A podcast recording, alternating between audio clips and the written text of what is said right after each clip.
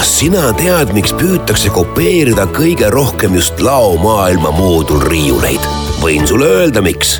sest paremat süsteemi pole veel välja mõeldud. laomaailma moodulriiulid on loogilise konstruktsiooniga, vastupidavad ja mitmekülgse kasutusega. tule läbi laomaailmast ja veendu ise. Lähem info laomaailm.ee Kuku Raadios välja öeldud seisukohad ei pea ühtima Kuku Raadio seisukohtadega. Te kuulate Kuku Raadiot.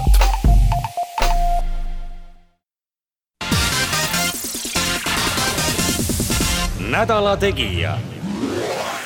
ja tere nüüd ka Nädala Tegija stuudiost. olen külla kutsunud ja ütlen kohe tere. tere tulemast Kuku raadiosse, Marina Kaljurand. tere, väga hea meel olla siin. saatejuht on Ulle Lents. no üllatasite meid möödunud nädalavahetusel. liitusite sotsidega ja tegelikult spekuleeritud selle üle kuidas Marina Kaljurand poliitikasse, suurde poliitikasse pärast kahte aastat naaseb ja millise erakonna ridades, et seda spekuleerimist oli päris palju. muide, kui palju teile ettepanekuid tehti? Need ettepanekuid tehti, ma ei hakka numbritest rääkima, aga ütleme, et neid oli rohkem kui üks. oli nii erakondade kui ka liikumiste poolt ja minu jaoks oligi võib-olla kõige suurem küsimus oli, kas ja mismoodi ma saan ja soovin ja tahan Eesti poliitikas jätkata.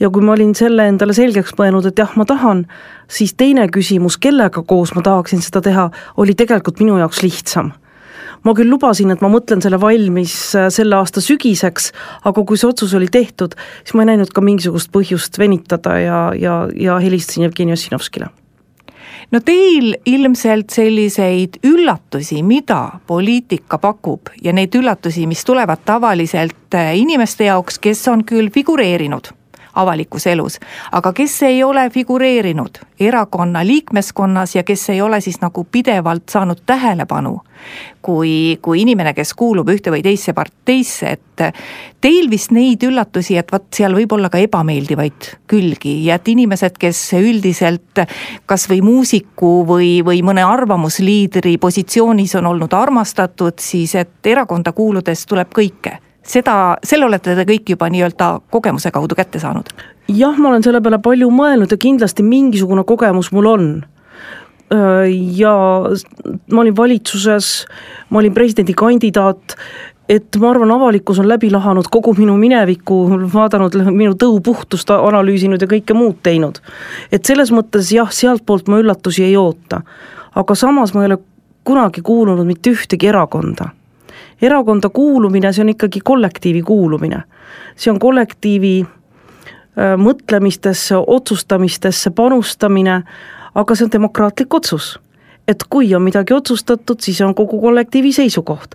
nüüd ütleme sellist distsiplineeritust, et lisaks minu isiklikule seisukohale on olemas ka erakonna seisukoht, mida ma sotsdemmina äh, toetan, sellist kogemust mul varem ei ole olnud nojah, paratamatult, et kui te olite presidendikandidaat ja, ja debattides esinesite, siis te ikkagi saite väga palju olla Marina Kaljurand, kes esindabki Marina Kaljuranna seisukohti. no mis on võib-olla väga sarnane, on see, et ma ei öelnud presidendikampaania ajal mitte midagi sellist, millesse ma ise ei usuks ja miks ma, miks ma soovin Eesti sisepoliitikasse panustada, miks ma soovin Eesti poliitikasse panustada, miks ma ühinesin just sotsidega, ongi see, et mul oli see loogiliseks jätkuks sellele, millest ma rääkisin, mida ma tegin ja loogiliseks jätkuks nendele teemadele, mis on tegelikult olnud mulle olulised läbi aastate, mitte ainult kampaania ajal. on see siis äh, naised, lapsed, integratsioon, jah, mind tuntakse kui välisministrit ja välispoliitika inimest, aga lisaks sellele olid par-, on paratamatult ju meil kõigil teemasid, lisaks meie elukutsele, mis lähevad meile korda, millest me hoolime ja ma arvan, et nüüd ma saan nende teemadega ka rohkem tegeleda ja rohkem ennast kurssi viia.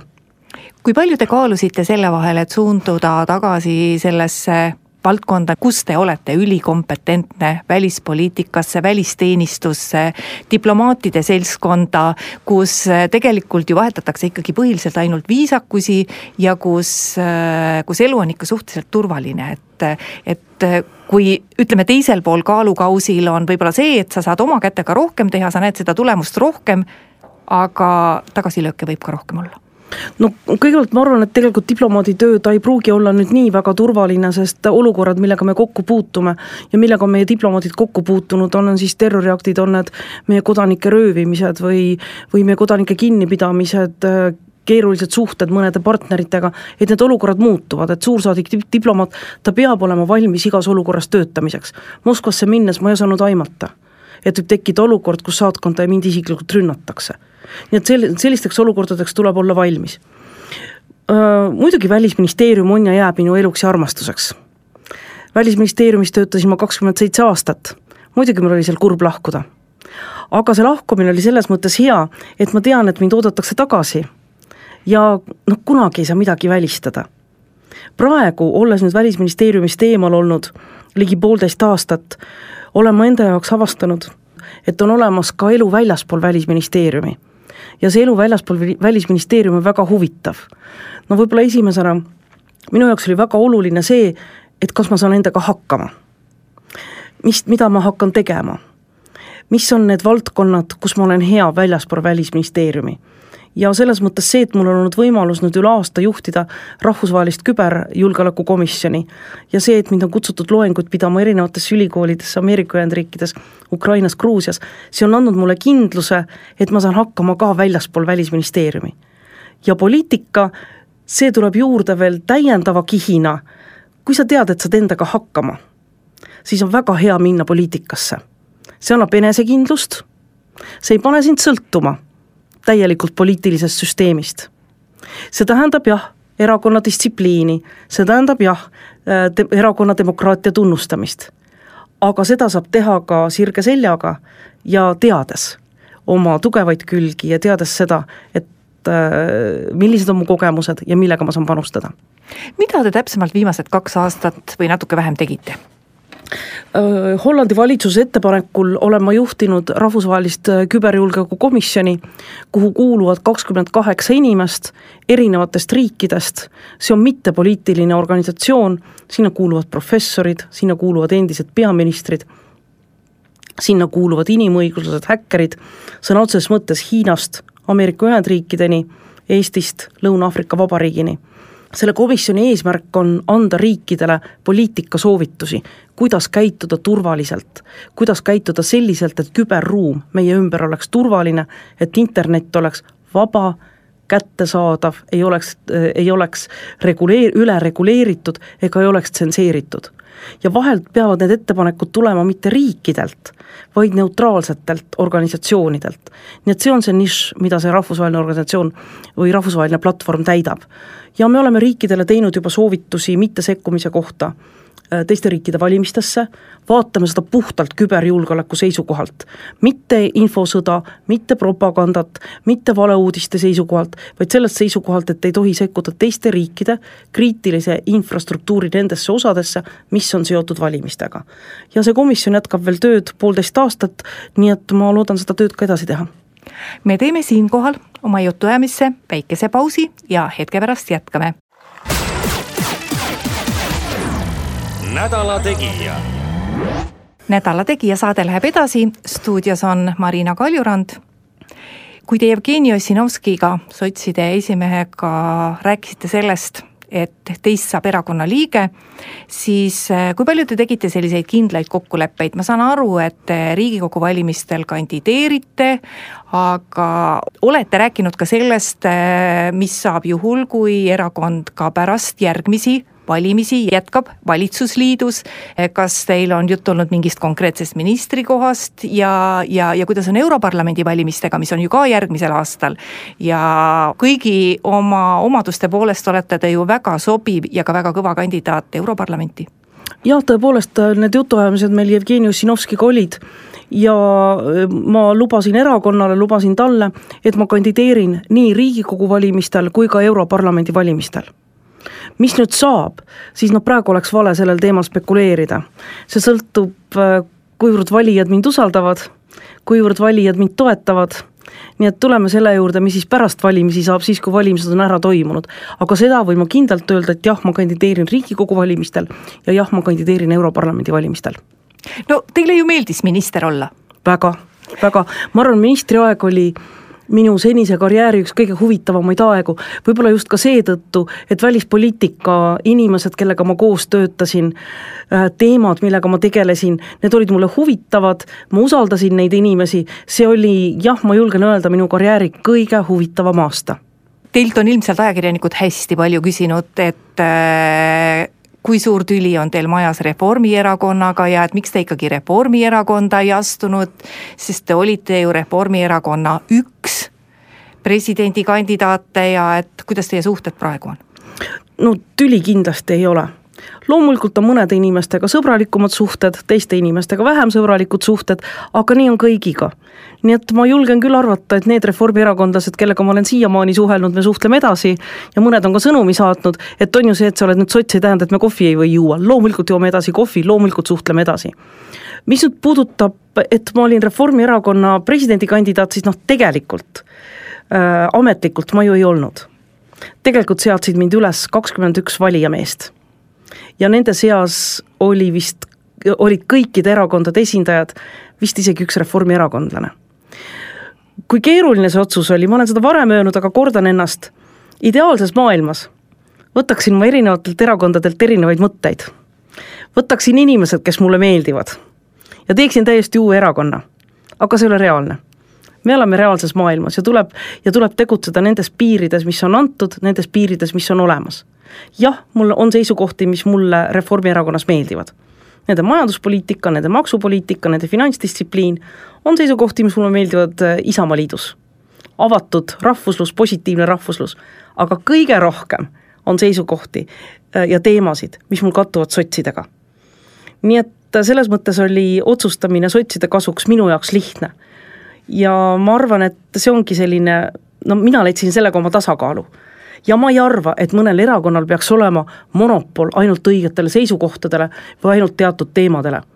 ma arvan, et kui on õiged seisukohad, on õiged teemad ja need lähevad korda ka teistele, siis kõigil on õigus nendel teemadel kaasa rääkida ja neid teemasid toetada no omal ajal pidi Taavi Rõivas ikka väga tahtma teid välisministriks, kui ta kutsus teid sellesse ametisse ilma, et ta oleks äh, teinud teiega kokkuleppe, et te kohe astute Reformierakonda no see küsimus on muidugi Taavi Rõivasele, kui väga ta mind välisministriks taha, tahtis, aga tõepoolest äh, seda võin ma küll tunnistada, et Taavi Rõivase poolt ei olnud kordagi survet jah, me rääkisime erakonda astumisest, kui ma sain välisministriks ja me leppisime kokku, et me tuleme selle teema juurde hiljem tagasi. Ja mitte kordagi ei tundnud ma ta-, tema poolt survet, et ma pean nüüd kohe Reformierakonda astuma. jah, seda survet tuli teistelt, mõnedelt teistelt reformierakondlastelt, aga mitte Taavi Rõivaselt kui kõva positsioon teil praegu Sotsiaaldemokraatlikus Erakonnas on, et selles mõttes, kui palju te, no te olete küll väga värske liige, aga kui palju teid kutsutatakse kitsa ringi otsustamise juurde, ma ei mõtle üldse halvas mm -hmm. mõttes kitsast ringi, aga paratamatult on ju nüüd mõned otsused tehakse juhatuse tasemel, siis arutatakse suures ringis, läbi, et kui lähedal te vot selle otsustamisprotsessile olete? ma olen sotsiaaldemokraatide lihtliige ma ei kuulu mitte ühtegi valitavasse organisse, ma ei kuulu mitte ühtegi kogusse. aga ma olen sotsdemmidest nii palju aru saanud, et nende arutelud on avalikud. see tähendab, et iga erakonna liige võib minna juhatuse koosolekule, võib minna volikogu koosolekule, võib sellel koosolekul osaleda. mina seni seda teinud ei ole. nagu te ütlesite, ma olen erakonnas olnud mõned üksikud päevad, nii et ma arvan, et minu esimene ülesanne on erakonnaga tuttavaks saada. mul on olnud väga toredaid kutseid, et ma külastaksin piirkondi ja järgmisel nädalal saan kokku Hiiumaal sotsidega ja siis lähen ka teistesse ringkondadesse ja ootan väga sotside suvepäevi, mis toimuvad juuli alguses, kus ma siis loodan kohtuda no võimalikult, võimalikult paljude äh, sotsidega. nii et praegu ma ikkagi viin ennast kurssi, püüan inimestega ka isiklikult tuttavaks saada, rääkida inimestega, suhelda inimestega, nii et otsustamisprotsessides ja aruteludes ei ole ma veel osalenud ja ilmselt lähiajal ka ei osale no Sotsiaaldemokraatlikul Erakonnal ei ole praegu kõige paremad päevad just ses mõttes, et reiting on tõesti hästi palju langenud.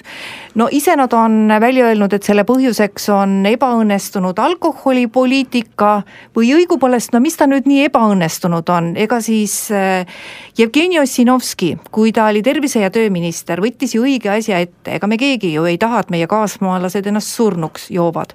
paraku tõesti joomarluse likvideerimist riiklike vahenditega ongi hästi raske teha jah, ma olen teiega nõus ja tegelikult äh, eile tuli välja ka järjekordne Konjunktuuriinstituudi ülevaade, mis ju näitas, et äh, alkoholi tarbimine Eestis on sisuliselt jäänud samale tasandile. ja kommentaarides äh, oli väga hea kuulata, mida ütles minister Sikkut, mida ütles ka Maris Jesse, et aktsiisid on ainult üks osa sellest poliitikast. poliitikaid on palju sinna käib reklaam, sinna käivad tervisemeetmed, ravimine, ennetamine, et neid meetmeid on hästi palju. Aktsiisid olid ainult üks tilluke osa nendest meetmetest, aga paraku jah, ma jälle kordan ennast, ma arvan, et äh, see meede võib-olla ei olnud kõige edukam.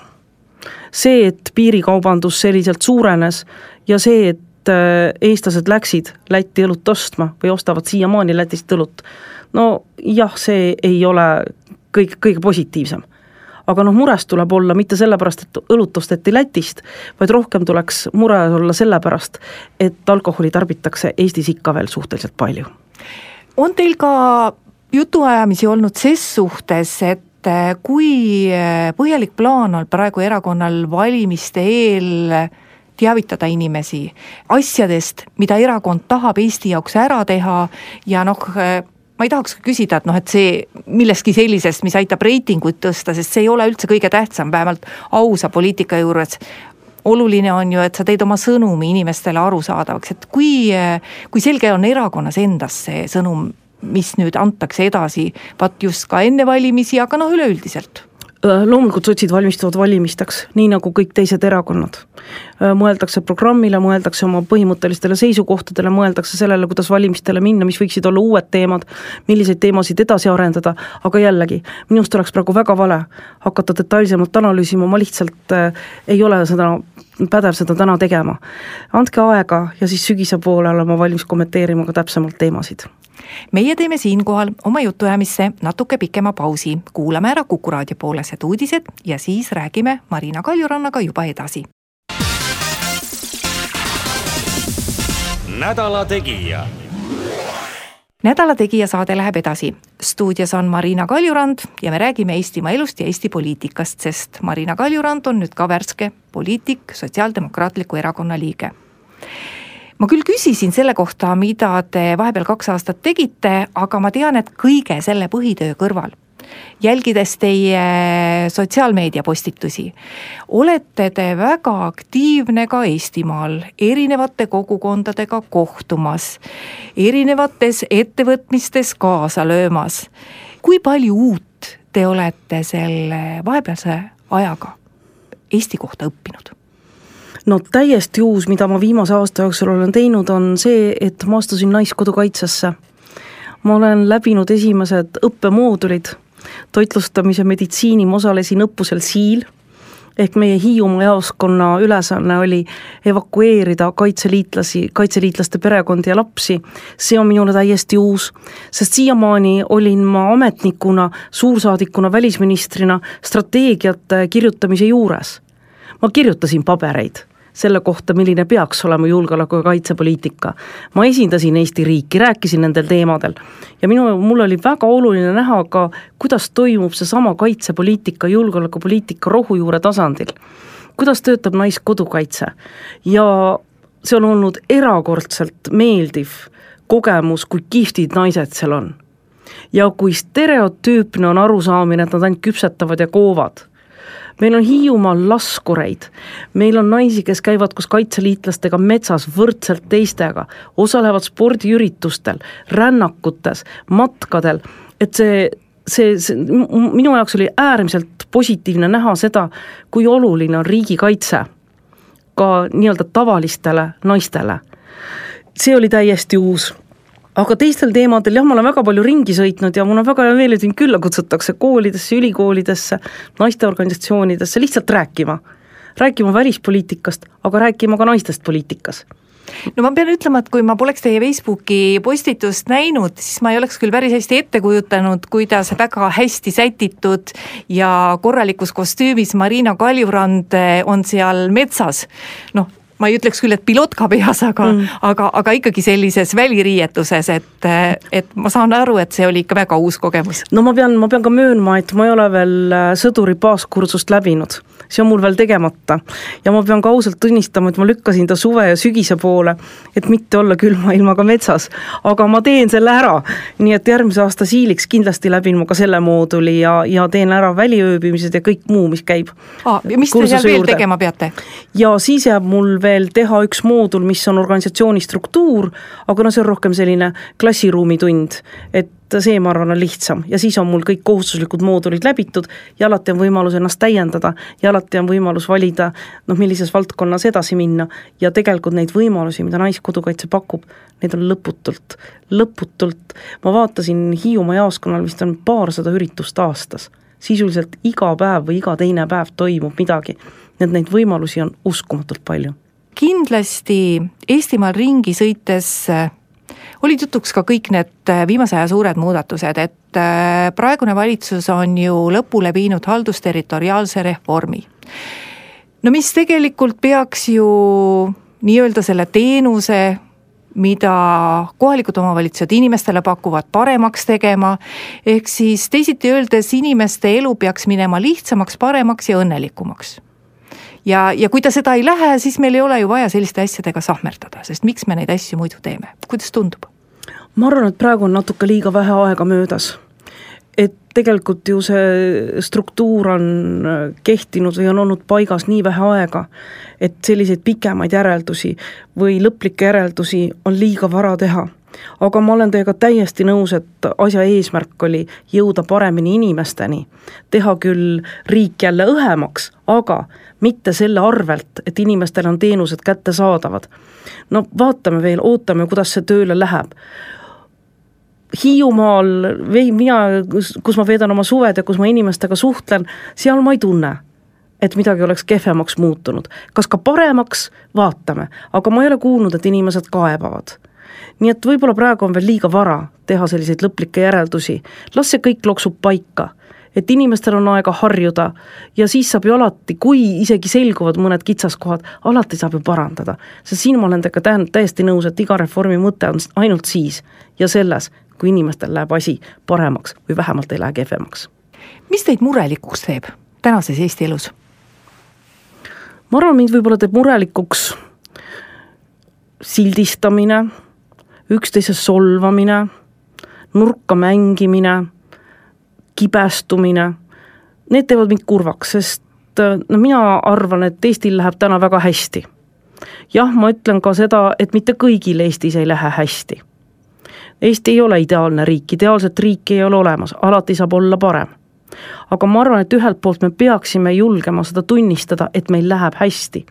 ja teiselt poolt peame me hakkama nüüd rohkem tähelepanu pöörama nendele, kellel meile, meie seast ei lähe kõige paremini. seetõttu ka minu liitumine sotsidega, sest ma väga usun sotside poliitikasse, et iga inimene on väärtuslik. igal inimesel on õigus väärtusli-, väärtuslikule elule.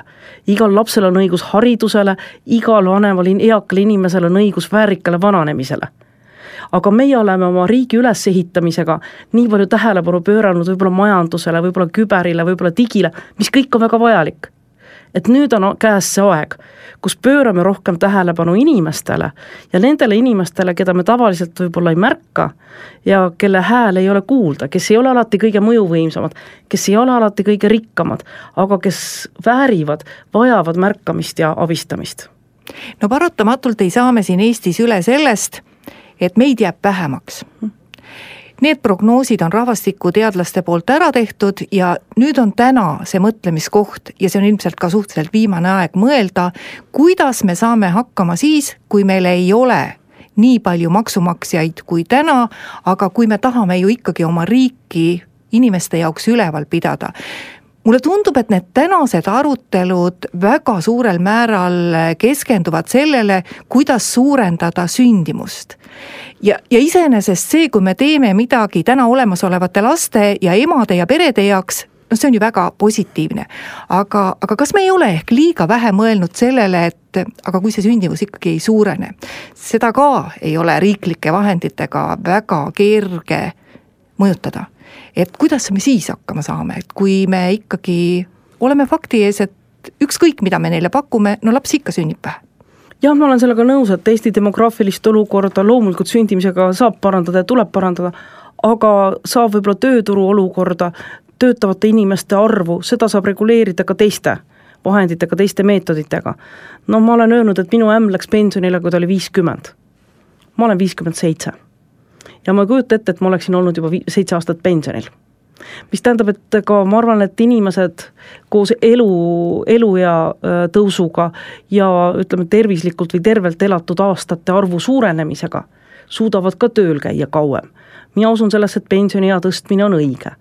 mina peaksin seaduse järgi pensionile minema kuuekümne viie või kuuekümne seitsme aastaselt ja ma olen sellega täiesti nõus me peame tööturule tagasi tooma ka need inimesed, kes mingil põhjusel on täna tööturult eemal, näiteks hooldavad omakseid, hooldavad Äh, puudega lapsi, hooldavad äh, puudega omakseid. see süsteem peaks olema ka selline, et inimene saaks teha tööd, mille, milleks ta on õppinud, milleks on teda koolitatud, mida ta tahab teha. ja ei pea samal ajal muretsema, kas tema omaksed, lapsed, vanurid, vanemad on hooldatud. nii et mida ma tahan öelda, mul ei ole pakkuda teie täielikku lahendust, aga ma arvan, et lisaks sündimuse suurendamisele on ka teisi meetodeid, on ka teisi vahendeid, kuidas vastu minna sellisele Eestile, kus töötajate arv on vähenenud. me teeme oma jutuajamisse veel ühe pausi ja läheme kohe edasi. nädala Tegija.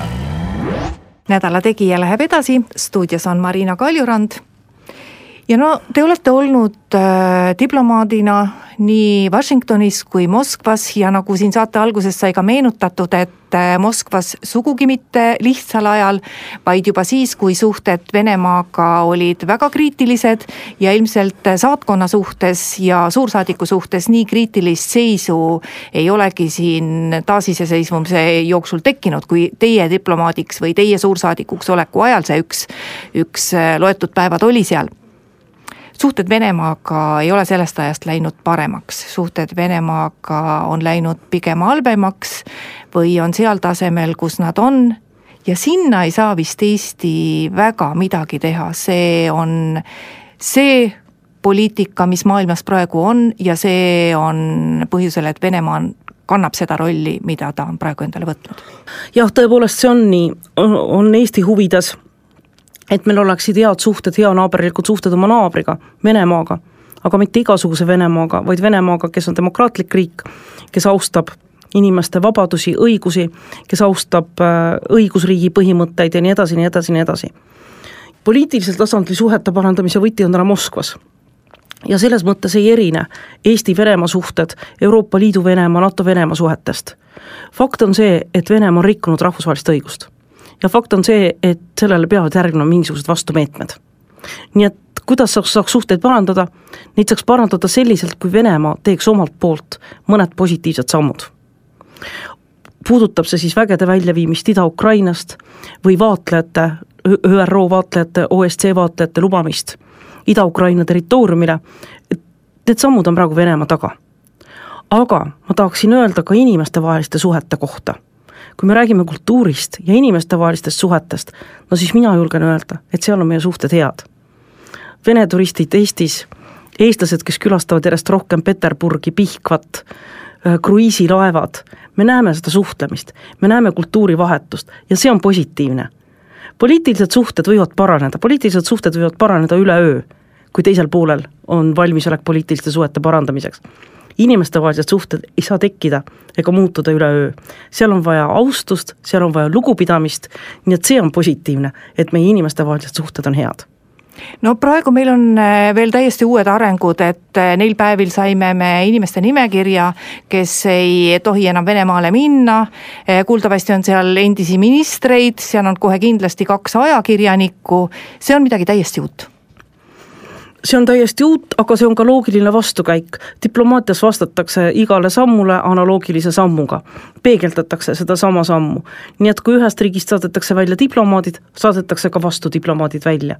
kui Eesti võttis vastu Magnitski seaduse, nii-öelda Magnitski seaduse, millega pandi teatud isikud Venemaalt musta nimekirja, siis oli oodata, et meile ka vastatakse. nii et see on puhas diplomaatia, ühele sammule vastatakse samasuguse sammuga Te olite ka Washingtonis ja see oli ka teine aeg kui praegu. ka sealne õhkkond, Valge Maja õhkkond oli siis, kui teie seal olite, midagi muud, kui see täna on? jah, tõepoolest need presidendid isiksustena on väga-väga-väga erinevad. nii oma suhtumisest võib-olla välispoliitikasse kui ka inimestena. Nad on tõepoolest väga-väga erinevad no vahepeal äh, läks Eesti riik äh, saatkondade vähendamise suunas, seal olid noh, loomulikult majanduslikud põhjused. nüüd on hakatud taas saatkondi taas avama, viimati siin tuli uudis meil Ungari kohta, see on hea protsess, see on hea uudis. jah, mina usun diplomaatiasse, kuigi ma olin ise välisminister kes pidi otsustama saatkondade sulgemist, kui lihtsalt oli otsustatud, et me vähendame Äh, valitsuse äh, ministeeriumide arvu, koondame töötajaid, vähendame saatkondi ja ainuke valik, mis oli nii-öelda minul ministrina ja Välisministeeriumil oli, milline konkreetne saatkond sulgeda. see ei ole meeldiv protsess. ma usun diplomaatiasse ja ma usun sellesse, et mida rohkem raha me panustame diplomaatiasse seda parem on. selleks, et ära hoida konflikte, seda parem on meie kodanikel, nad võivad olla kindlad, et neid kaitstakse, esindatakse, kui nendega midagi juhtub, seda parem on meie ettevõtjatel. Nad teavad, et teatud riikides on olemas siis esindused, saatkonnad, kes saavad neid abistada, kes saavad neile uksi avada, kes saavad olla neile toeks. diplomaatia, aga no ma olen paadunud diplomaat minu jaoks on diplomaatia väga oluline ja jah, ma arvan, et esinduste võrgustik võiks Eestil olla natuke suurem, läbimõeldud ja mitte liiga suur, sest jah, me oleme väike riik, jah, me ei saa avada nii palju saatkondi, millest me võiksime unistada, aga see võrgustik peab olema läbimõeldud, piisav ja jah, saatkondade sulgemist tuleks võimalusel ikkagi vältida ja lõpetuseks, kui rääkida veel Eesti sisepoliitikast, no väga pingeline aeg on kohe tulemas, et ega siis uue Riigikogu valimise nii-öelda eeletapp on juba alanud, paljud otsused kahjuks tehakse pidades silmas äh, valimisi ja pidades silmas valijat ja erakonnad ikkagi väga valivad, missugune sõnum praegu välja öelda ja missugune otsus teha. ja eks kõigi valimiskampaania põhjustega võib ka seletada noh, mitmeid muidki otsuseid, mida valitsus on teinud, praegu valitsus on hädas sellega, et mida teha selle tselluloositehase eriplaneeringuga ja, ja eks neid asju ole teisigi. kas te olete valmis? et teil tuleb ju endal ka osaleda tõenäoliselt väga mitmetes valimisdebattides ja kui need presidendivalimisdebatid vaadates seda seltskonda, kes oli, no teid oli ju seal loetud arv ja need inimesed olid kõik omavahel suhteliselt viisakad, siis ma arvan, et see Riigikogu valimiste eelne debatt ja need debatid ei tule sugugi nii viisakad, et äh, viisaka inimesena, kui, äh, kui kõva närv teil on, et mitte vastata nii, nagu teine ütleb, et kui keegi ütleb väga inetult, et siis mitte panna samamoodi vastu. no ma ei tee seda. see peaks olema midagi väga erandlikku kui ma midagi taolist teeksin, siiamaani ma olen suutnud sellest hoiduda, muidugi ma olen inimene muidugi mulle läheb korda ja muidugi mõned äh, ütlemised või mõned äh, lausa solvangud äh, on ja jäävad meelde. loomulikult ka välisministrina kuulsin ma Riigikogu kõnepuldis, kuidas ma teen koostööd Putini režiimiga ja kes Putini režiim ilmselt mulle ka maksab selle eest, et ma siin praegu piirilepingut esitlen. ma kuulsin seda jama juba siis ja võib-olla mis kõige rohkem häiris, oli see, et inimesed, kes kaamerate ja mikrofonide juuresolekul räägivad ühte juttu, astuvad sulle koridoris pärast ligi ja ütlevad, et no saad sa aru, see on poliitika, ega ma ju nii ei mõelnud. siis no minu vastus on, et ei, ma ei saa sellest aru ja mina poliitikuna selliselt käituda ei kavatse. nii et mida ma võin oma kolleegidele lubada tulevastes debattides, see, mida nad kuulevad kaamera ees, seda nad kuulevad minult ka kaamera taga, kui mikrofon on kinni pandud ja ma teen kõik endast, et jääda väärikaks, soliidseks ja pidada lugu, nii palju, kui siis saab lugu pidada kõigist oma kaasväitlejatest või kaaskandidaatidest või Riigikogusse pürgijatest. Aitäh, Marina Kaljurand tulemast Kukusse, saatejuht ütleb aitäh ka kuulajatele kuulamise eest ja järgmine Nädala Tegija saade on eetris nädala pärast, kuulmiseni. nädala Tegija